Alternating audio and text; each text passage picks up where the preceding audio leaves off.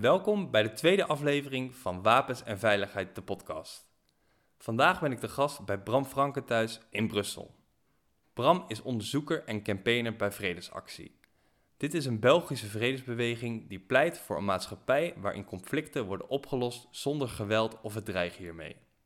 Bram doet veel onderzoek naar de militarisering van de EU en schreef het rapport Beveilig de winst.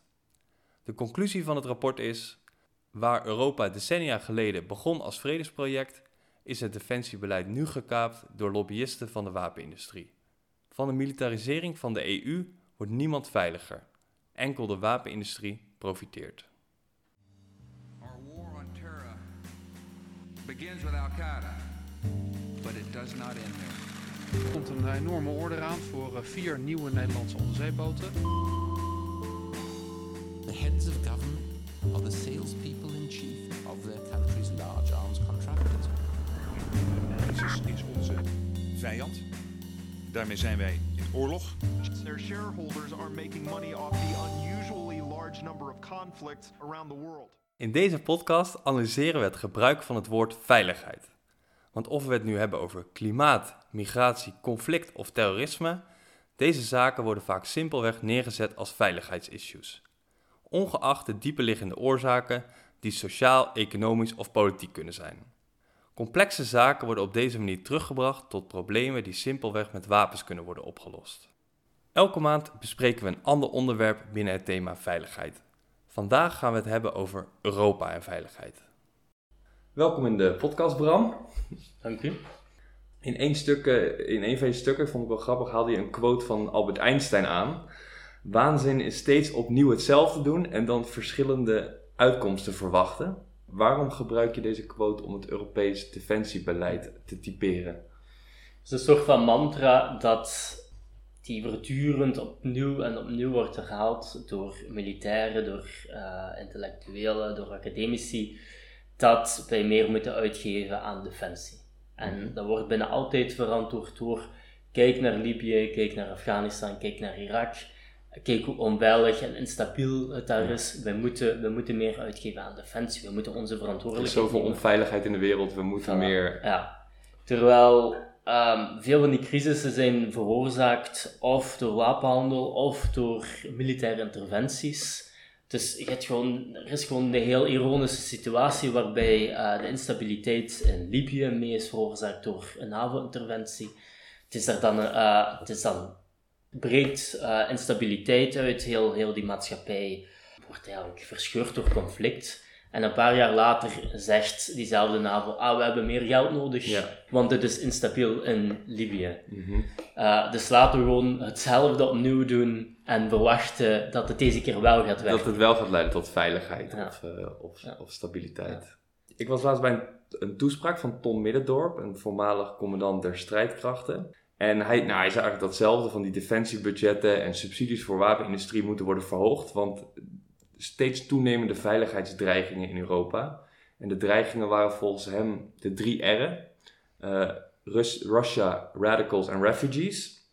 Hoe komt het nou dat steeds eh, militairen of, of vertegenwoordigers van de, van de veiligheidsindustrie, dat zij de, de, de antwoorden mogen formuleren op, op wat zij noemen die veiligheidsvraagstukken?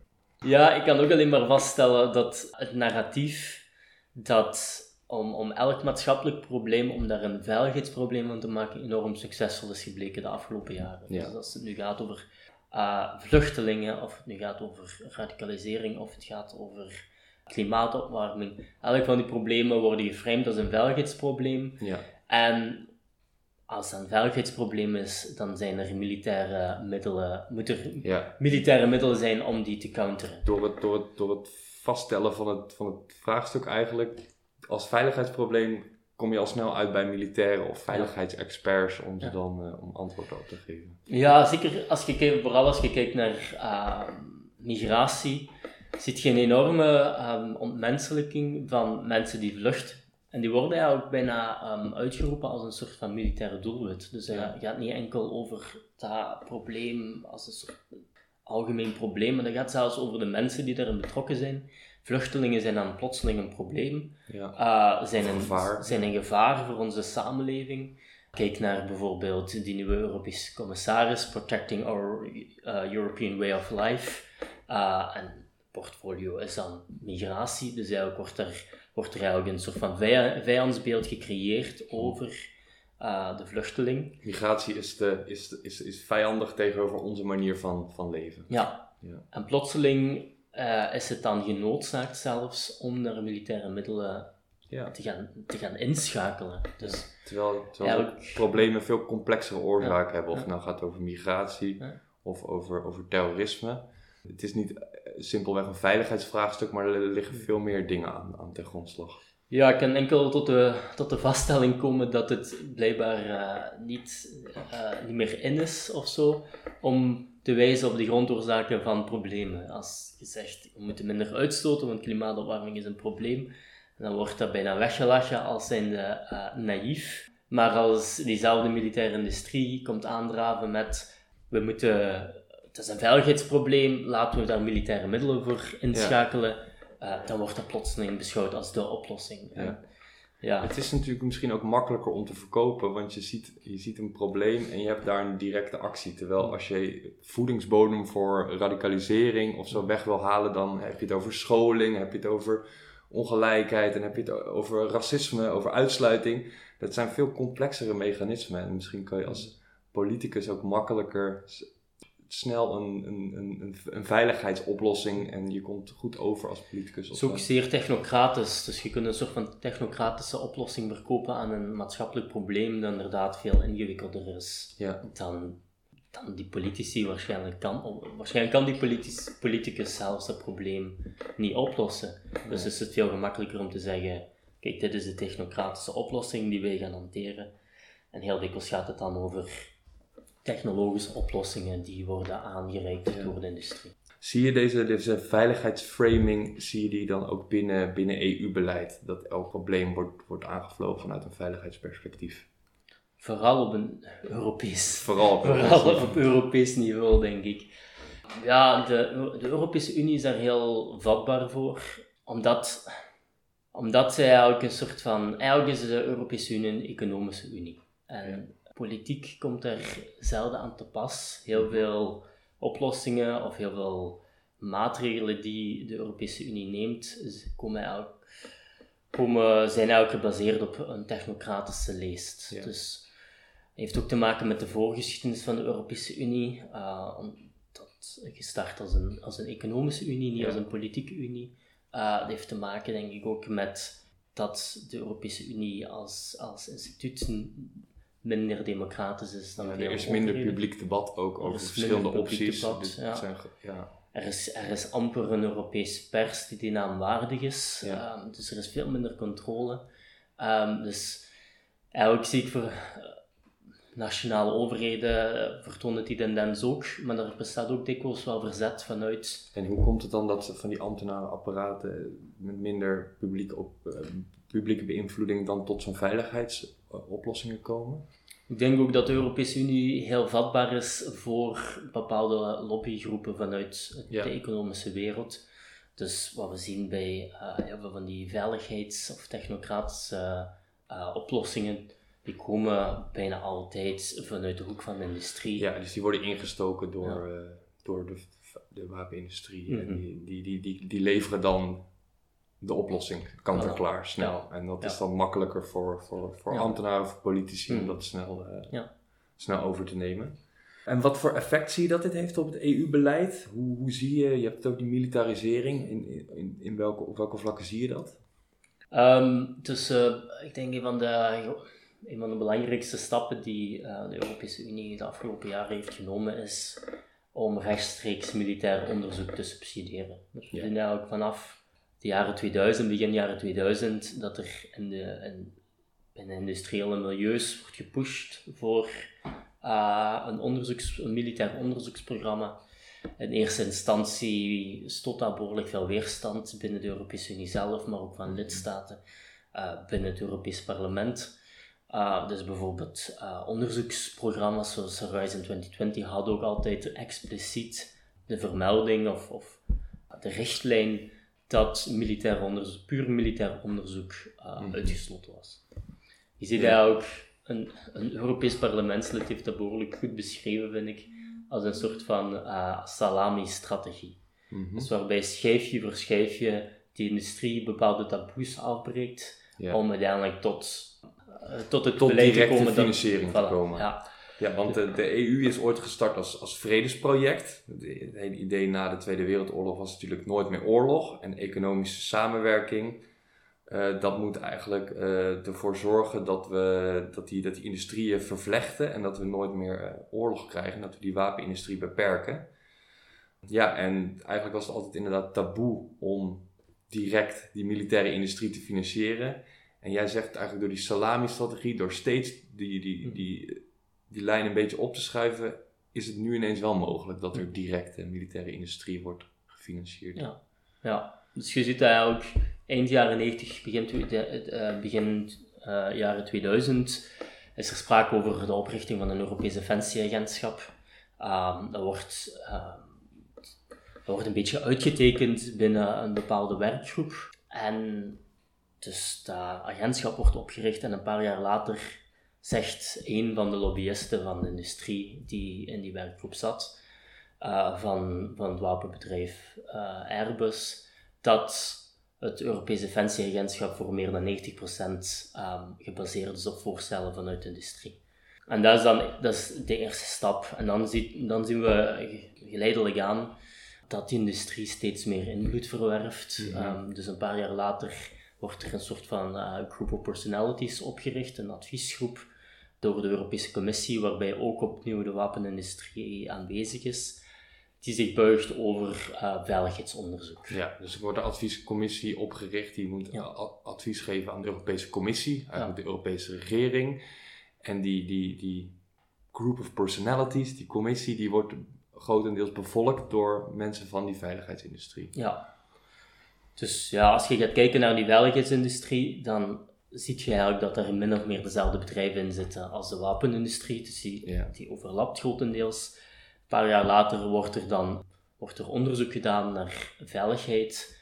Eh, als je dan gaat kijken naar wie, wie is in staat geweest om die subsidies eh, te pakken te krijgen, dan zie je opnieuw ah ja, diezelfde bedrijven als die in eerste instantie in die adviesgroepen zaten. Ja, dus het is ook niet zo verwonderlijk als, je, als, als, als, als mensen van, van wapenveiligheidsindustrie advies gaan geven over beleid. Mhm. Dan stellen ze natuurlijk eerst vast, nou we hebben een veiligheidsprobleem.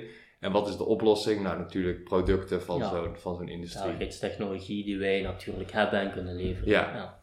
En eh, subsidieer die vooral, want dan kunnen we ze nog beter en dan kunnen we nog beter die veiligheidsproblemen Ja. aanpakken. En ik las in jouw rapport ook dat, dat naast die, die, die, die commissies die adviezen eh, geven, dat er ook gewoon direct veel contact is tussen eh, Ja. Euro- Europese commissarissen en, en, de, en, en, en vertegenwoordigers van de veiligheidsindustrie.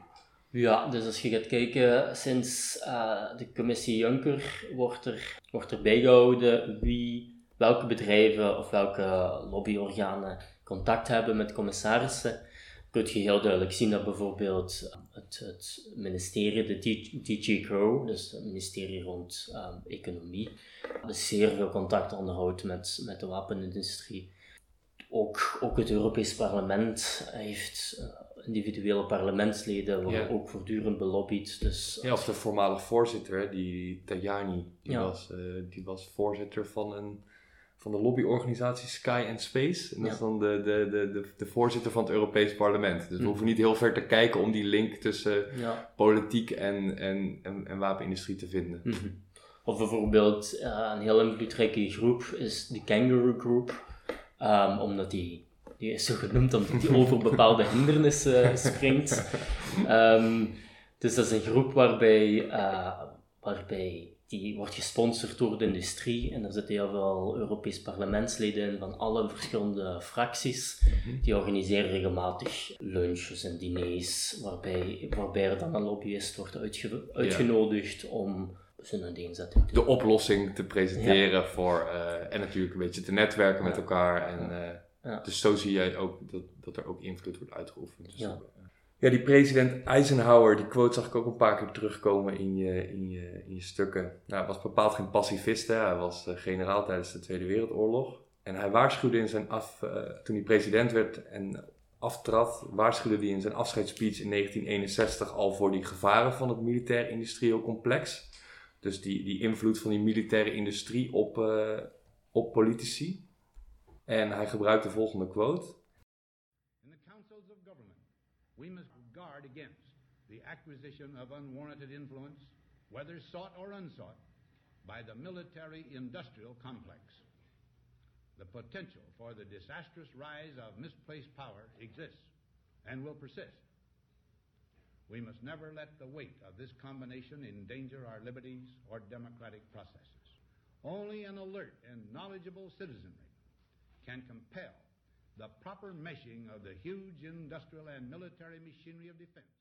Ja, ik vind dat een heel straffe quote, net omdat dat van Eisenhower was generaal, Ja. was ook eh, pre- is president geweest, was zeker geen, eh, geen pacifistische president. dus ik vond echt, het is echt wel eh, een straffe quote, vind ik. En dat is natuurlijk ook wel echt van, zeker dat, de VS is wel het type voorbeeld van waar het militair-industrieel complex volledig ontspoord is. Ja. Uh, maar mensen vergeten dikwijls dat dezelfde dynamieken ook hier in Europa of Ja. gang zijn. En dat, dat dezelfde dingen ook hier gebeuren. En misschien wel met name bij de EU. Want Ja. hij waarschuwt ook van alleen als we ons eh, van kennis verschaffen en ja, die, die, die, die, die, die, die lobbyisten en die, die industrie in de gaten houden, dan kunnen we hier weerstand aanbieden. Mhm. Misschien dat net zoals jij zei bij de EU, dat daar de, minst weerstand wordt geboden. Of het minst onderzoek en de minste journalistiek en de minste... Ja, inderdaad. Dus, dus wat ik eerder zei, ja, dat, er, dat er echt een... De Europese Unie is soms een, een beetje een zwarte doos. Er gaat van alles in en je ziet niet wat eruit komt. Ja, Ehm, en er is ook het, het middenveld. Het is heel moeilijk om Europees te organiseren. Je hebt veel, je hebt veel middelen nodig, veel fondsen. Om hier tout court als middenveld eh, aanwezig te kunnen zijn, om Ja. bepaalde zaken op te volgen. Je moet er echt met je neus op zitten om te weten: oké, dit, is er, dit is er aan de gang. ja want er zijn zoveel beleidsstukken, Ja. er gebeurt zoveel op in een dag, bij wijze ook van spreken. zeer, zeer complex, omdat, omdat uw politieke verantwoordelijkheid zit bij iedereen en bij niemand. Ja. De commissie is, is verantwoordelijkheid voor dit stukje, maar de lidstaten hebben dan weer eh, de verantwoordelijkheid over Ja. bijvoorbeeld wapenexport. eh, Het is niet duidelijk waar de macht ligt. Het is niet duidelijk waar de macht ligt en de macht gebruikt, gebruikt feit ook graag om te verhullen waar de macht eigenlijk ligt. Ja. Dus als je zegt tegen de Europese Commissie, ja maar jullie zijn hiermee bezig, en dat is absoluut, dat is absoluut fout, dan zeggen zij, maar het zijn de lidstaten die Ja. ons vragen om dit te doen. Of het komt van het Europees Parlement. Of het en het komt- Europees Parlement zegt ja, maar er wordt van tevoren al over, handel, eh, over onderhandeld. Dus, Dus iedereen trekt gewoon een paraplu op eh, om te zeggen, wij zijn zeker niet verantwoordelijk, voor, verantwoordelijk voor, voor, voor dit Ja. of dat. Dus had ik ooit een eh, zeer interessant gesprek met iemand die werkt voor een kabinet in de Europese Commissie. En elke keer als het kritisch werd, als, er, als ik wees op een, op een bepaald punt van het Europees Defensiefonds dat mogelijk wel problematisch was, zoals de Ja. export van wapens, zoals de inzet voor bepaalde technologieën aan, aan de Europese grens om migranten tegen te houden, dan zei zij, ja maar daar hebben wij niks mee te maken, want Nee. het zijn de lidstaten die daarover beslissen. ja. Wij geven enkel het geld en wat er daarna uiteindelijk met die producten gebeurt, daar zijn wij absoluut niet verantwoordelijk voor. Ja. Dat maakt het natuurlijk wel heel gemakkelijk om uw handen af te Ja. trekken van eender welke verantwoordelijkheid. Ja, en die, en die verspreiding van macht en die, die, die, die stortvloed aan beleidsstukken en onderhandelingen, die maakt ook dat je, dat je gewoon een heel leger aan onderzoekers en, en, en mensen moet hebben om te kijken wat er nou, en juristen en wa- wat er nou gebeurt. En natuurlijk die, die, die grote wapenindustrieën, die hebben natuurlijk veel meer middelen om daar mensen op te zetten dan, eh, dan maatschappelijke organisaties als, als, als vredesactie. Ja, ik herinner mij ehm, Frank Sleper, die in- toen nog werkte voor Stop Wapenhandel, is eigenlijk een van de eerste onderzoekers geweest die eigenlijk heeft gekeken naar wat doet die militaire industrie nu op Europees vlak. Ik herinner mij een van zijn quotes, een, een rapport van hem, waarin hij zegt, het lijkt alsof, alsof de beleidsdomein volledig verlaten is, behalve door lobbyisten van de industrie en door bureaucraten van de Europese Unie. Ja. Dus er was totaal geen, geen controle en eigenlijk is zijn rapport een van de eerste pogingen om te kijken, oké, hoe, wat gebeurt Wat er eigenlijk? gebeurt er nou precies? Ja, wat ja. is dat hier nu eigenlijk? Ja. Ja. Ja. En hoe komt het dat die, die adviescommissies, dat, daar, dat die zomaar bevolkt kan worden door zoveel mensen van de militaire industrie? Waarom zitten daar geen burgers in? Waarom zitten daar geen maatschappelijke organisaties in? Of, of academici? Wie bepaalt die, die inrichting van zo'n uh, Het is eigenlijk de Europese Commissie die bepaalt wie er daarin zetelt. En zij, zij verdedigen zichzelf altijd door te zeggen: ja, maar de expertise ligt bij de wapenindustrie. Ze hebben expertise over hun eigen uh, economisch domein, dus wij vragen advies aan hen. Ja. Ik, heb, ik heb ooit geprobeerd om via een vraag openbaarheid van bestuur op te vragen hoe die selectie precies verlopen is. Ja.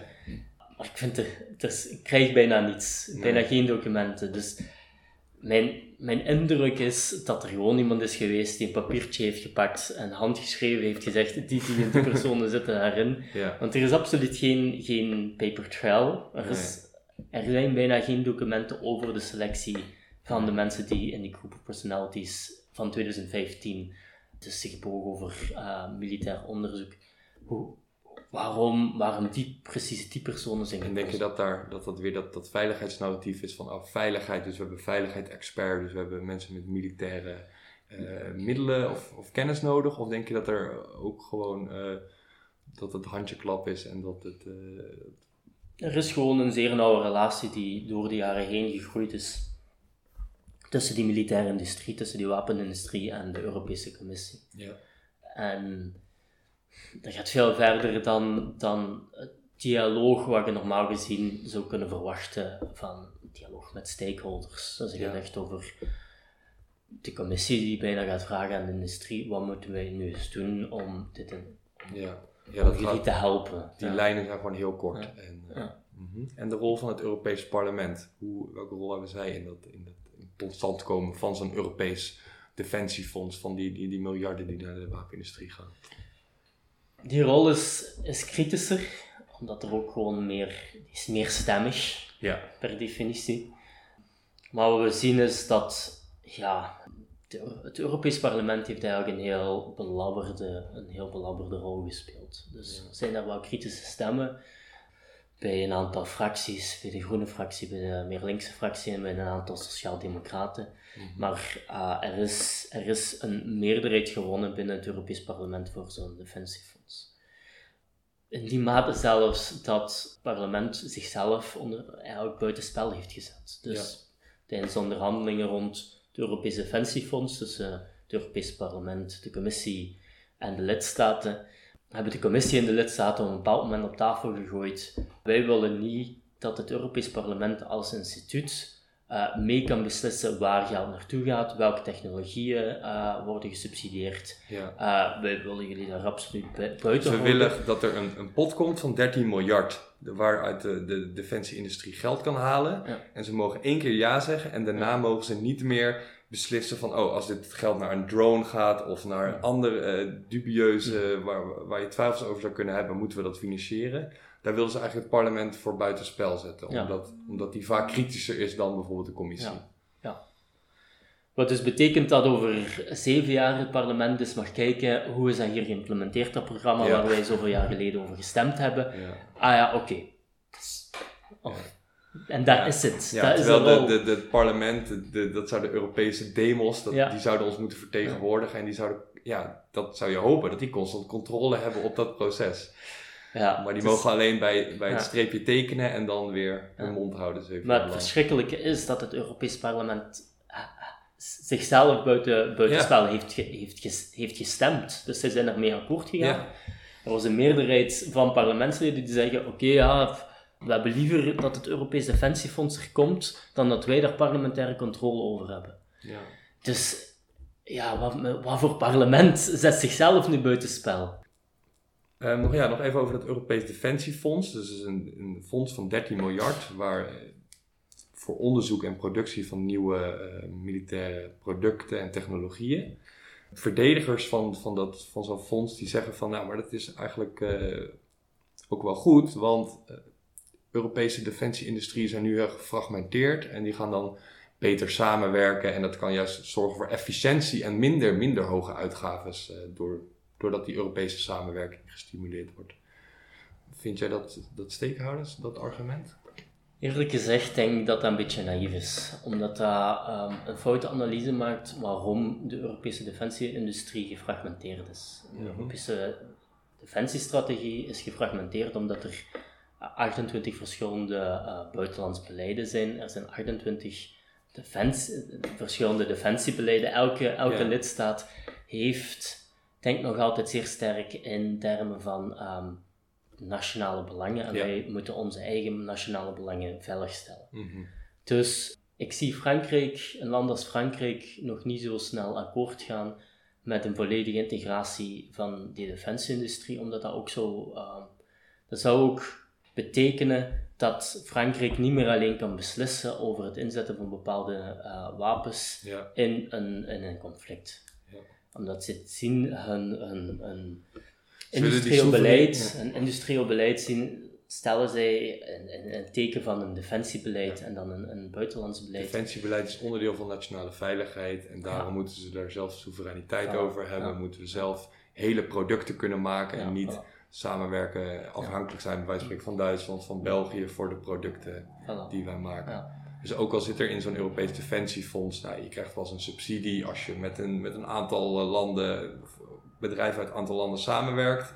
Dat zou dan de oplossing moeten zijn voor dat integreren van, dat, eh, van het Europese wapenindustrie. Jij zegt nee, maar dat is een, het zijn politieke beslissingen. Dus Ja. ook elke lidstaat. Eigenlijk wordt, eh, het paard voor de kar gespannen. Dus er wordt nu vertrokken van, laten we, er wordt nu vertrokken vanuit het principe, laten we geld geven aan die industrie en hopen dat die industrie daardoor meer gaat samenwerken, dat er daardoor een soort van Europese indus- industrie ontstaat, die dan zal leiden tot een Europees defensiebeleid. Ja. Terwijl, het is, het is eigenlijk waanzin, want dan zeg je eigenlijk tegen je, tegen je industrie, jij mag bepalen hoe het defensiebeleid eruit ziet, in plaats van omgekeerd, Ja. waarbij je gaat zeggen, dit is, dit is, het, dit is het buitenlands beleid Ja. dat wij willen voeren op basis van die en die en die principes, bijvoorbeeld op basis van mensenrechten, op basis van... En, dat, kan dan dat kan dan elke richting uitgaan. En ten, ten dienste van dat buitenlands beleid zou je normaal gezien een defensiebeleid moeten hebben met een industrieel, een industrieel Ja. tak. Dus wat overblijft is van zo'n Europees defensiefonds eigenlijk vooral een zak geld in de, Ja. in de, in de Ja. praktijk. Voor En je de, ziet ook gewoon dat lidstaten daar ook zo naar kijken. Dus Ja, dus oorlog en vluchtelingen zijn een verdienmodel geworden. En die, die miljardenbusiness die kaapt onze de- democratie voor eigen profijt. Wat, wat kunnen we nou hier, wat kunnen we hier tegen doen? Hoe kunnen we Europa dan... Dus ik denk dat dat ergens die democratisering is waar Eisenhower het in zijn Ja. speech over had. Dus er moet, er moet gewoon veel meer toezicht zijn eh, vanuit elk ook van de samenleving op wat doet die Europese Unie. En er moet, er moet, een, een, moet tenminste een maatschappelijk debat voor nodig, Ja. voor mogelijk zijn. Want dat wordt op dit moment totaal niet gevoerd. Geen enkele, er zijn bijna geen kranten die een, een letter hebben geschreven over de DG Defense industrie. Dus dat is gewoon een probleem. Er is een probleem dat er, dat er amper toezicht is op, eh, op wat de Europese Unie doet, op wat die wapenlobby doet. Eh, dus zolang dat die wapenlobby en die wapenindustrie beetje in het, in het geniep kan werken, Ja. Zolang het 8 uur journaal alleen maar gaat over wat er in de Tweede Kamer in Nederland is gebeurd en niet van wat er in het Europees Parlement gebeurt, zolang kranten daar niet over schrijven, blijft het eigenlijk die, die black box waar je het net over had. Ja, en is er, is er geen controle en het gebrek aan controle, daar profiteren eh, ja, dus die, die, die industrieën van. Of het nou gaat over de, over de wapenindustrie of over de, Mhm. de, de boerenindustrie of ja, ja. ja. Ehm, Dus dat is ook wat wij geprobeerd hebben door eh, acties te voeren aan wapenlobby-evenementen, door vragen openbaarheid van bestuur te stellen, omdat dan de commissie wordt ehm, verplicht om eigenlijk bepaalde inzage te geven over contacten die zij heeft met de industrie. Eigenlijk door naar de Europese ombudsman te stappen eh, met, met, om klacht in te dienen. Door dat soort dingen, door dat soort stappen te doen. Ja, dus dat doe je met vredesactie ook. Onderzoek doen, wat gebeurt daar en Ja. proberen bewustwording goh, aan, aan burgers en aan iedereen vertellen van nou, dit gebeurt er. Als journalisten vertellen, dit Mhm. gebeurt er met, met ons belastinggeld. Ja. Gebeurt dit. En hoe zeg jij nou, hoe zou dat geld dan beter geïnvesteerd kunnen worden dan in zo'n Europees defensiefonds? Hoe zou het beter kunnen investeren dan subsidies aan de wapenindustrie? Ik heb gehoord dat eh, commissaris Timmermans eh, grote ambities heeft voor een eh, Green New Deal, Mhm. maar blijkbaar de fondsen ontbeert om zo'n Green New Deal in de praktijk te zetten. Dus Ik zou veel liever die 13 miljard zien gaan naar een deftig klimaatbeleid in plaats van naar, of in plaats van naar de, naar de defensieindustrie. Ja, Dus- want als je klimaatbeleid, als we dat aanpakken, dat is een van de, de grondoorzaken van conflict in, in, in Ik denk dat zeker Noord-Afrika. zo in de toekomst zal zijn. Ja. Ja, dus als we echt iets willen doen, als we echt Europa en, en, Mm. en de wereld veiliger maken, eh, investeer bijvoorbeeld in, eh, Ja. in duurzaamheid. Ja, voilà. En, en zie je nog andere zaken waar je in geïnvesteerd kan worden? Ja, op zich er is heel veel. Hè. Bijvoorbeeld de fondsen voor eh, conflictpreventie zijn, zijn peanuts, Ja. echt bijna niks voor. Eh, ook gewoon hoe ons economisch model werkt, waarbij bepaalde glo- glo- globale ongelijkheden in stand worden gehouden, is gewoon niet duurzaam. Ja. Ehm, Ongelijkheid is ook gewoon een grote eh, oorzaak van conflicten. ja, Ja, in plaats van wapens naartoe zou- zouden we ook iets kunnen doen aan die oneerlijke. Ja, voilà. Aan die oneerlijke handelsrelaties. Ja. Of gewoon de manier waarop bedrijven, in, Europese bedrijven in ontwikkelingslanden eh, mensenrechten schenden, dat aan de banden leggen. Er zijn veel dingen, je kunt, er zijn heel veel dingen die je kunt doen om je economie eerlijker te maken, waardoor, een, waardoor tenminste een deel van die grondoorzaken van conflict, van Ja, waarom conflict mensen vluchten, ja, om die eigenlijk weg te nemen. Dus richten op de oorzaken in plaats van op, eh, Ja. op, de, uitkomsten. Nou, dat lijkt me een eh, mooie afsluiting. Bedankt voor je, ja, dat ik hier mocht zijn en je mocht interviewen. Ja, bedankt. Top. Bedankt voor het luisteren naar de tweede aflevering van Wapens en Veiligheid, de podcast. Kom op 22 november naar de meetup in Den Haag en praat en denk mee over wat wij kunnen doen tegen de macht van de Europese wapenlobby. Tijdens de meetup gaan we verder in discussie met Bram Franke en zal Maarten Bokhorst van actiegroep Niet in Mijn Naam vertellen over de noodzaak tot actie voeren. Dit was een podcast van Stop Wapenhandel. Voor meer informatie over de militarisering van de EU en de meetup kan je vinden op stopwapenhandel.org of op de Facebookpagina. Over twee weken komt een nieuwe aflevering online over de impact van de wapenindustrie en de krijgsmacht op klimaatverandering. Abonneren op de podcast kan via Spotify of hou de Soundcloud feed in de gaten. Bedankt voor het luisteren.